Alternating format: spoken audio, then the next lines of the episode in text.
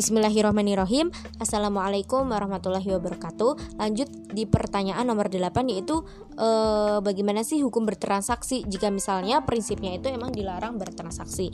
Di sini e, menurut pendapat Zohiriyah atau Ibnu Hazm itu beliau mengemukakan dua pendapat. Yang pertama, setiap akad yang tidak pernah dijelaskan di dalam nas dan ijma maka tidak boleh dilakukan. Terus pendapat beliau yang kedua yaitu adalah setiap akad yang belum pernah dijelaskan hukumnya dan batas-batasan hukumnya oleh syara itu tidak boleh dilakukan. Nah, tadi kan hukum bertransaksi jika prinsipnya dilarang bertransaksi. Nah, jika misalnya hukum bertransaksi tapi prinsipnya itu boleh bertransaksi itu gimana? Nah, di sini juga di terdapat dua pendapat. Pendapat pertama e, dari Hanafiyah, Syafi'iyah, Imam Ahmad dan Imam Malik.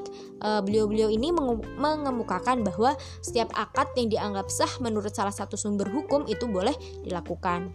Terus pendapat yang kedua itu ada dari pendapat Hanabilah yaitu adalah Ibnul Qayyim dan Ibnu Taimiyah. Beliau beliau ini beranggapan bahwa setiap akad boleh dilakukan selama tidak ada larangan nggak ada larangan ya jadi fine fine aja buat dilakukan.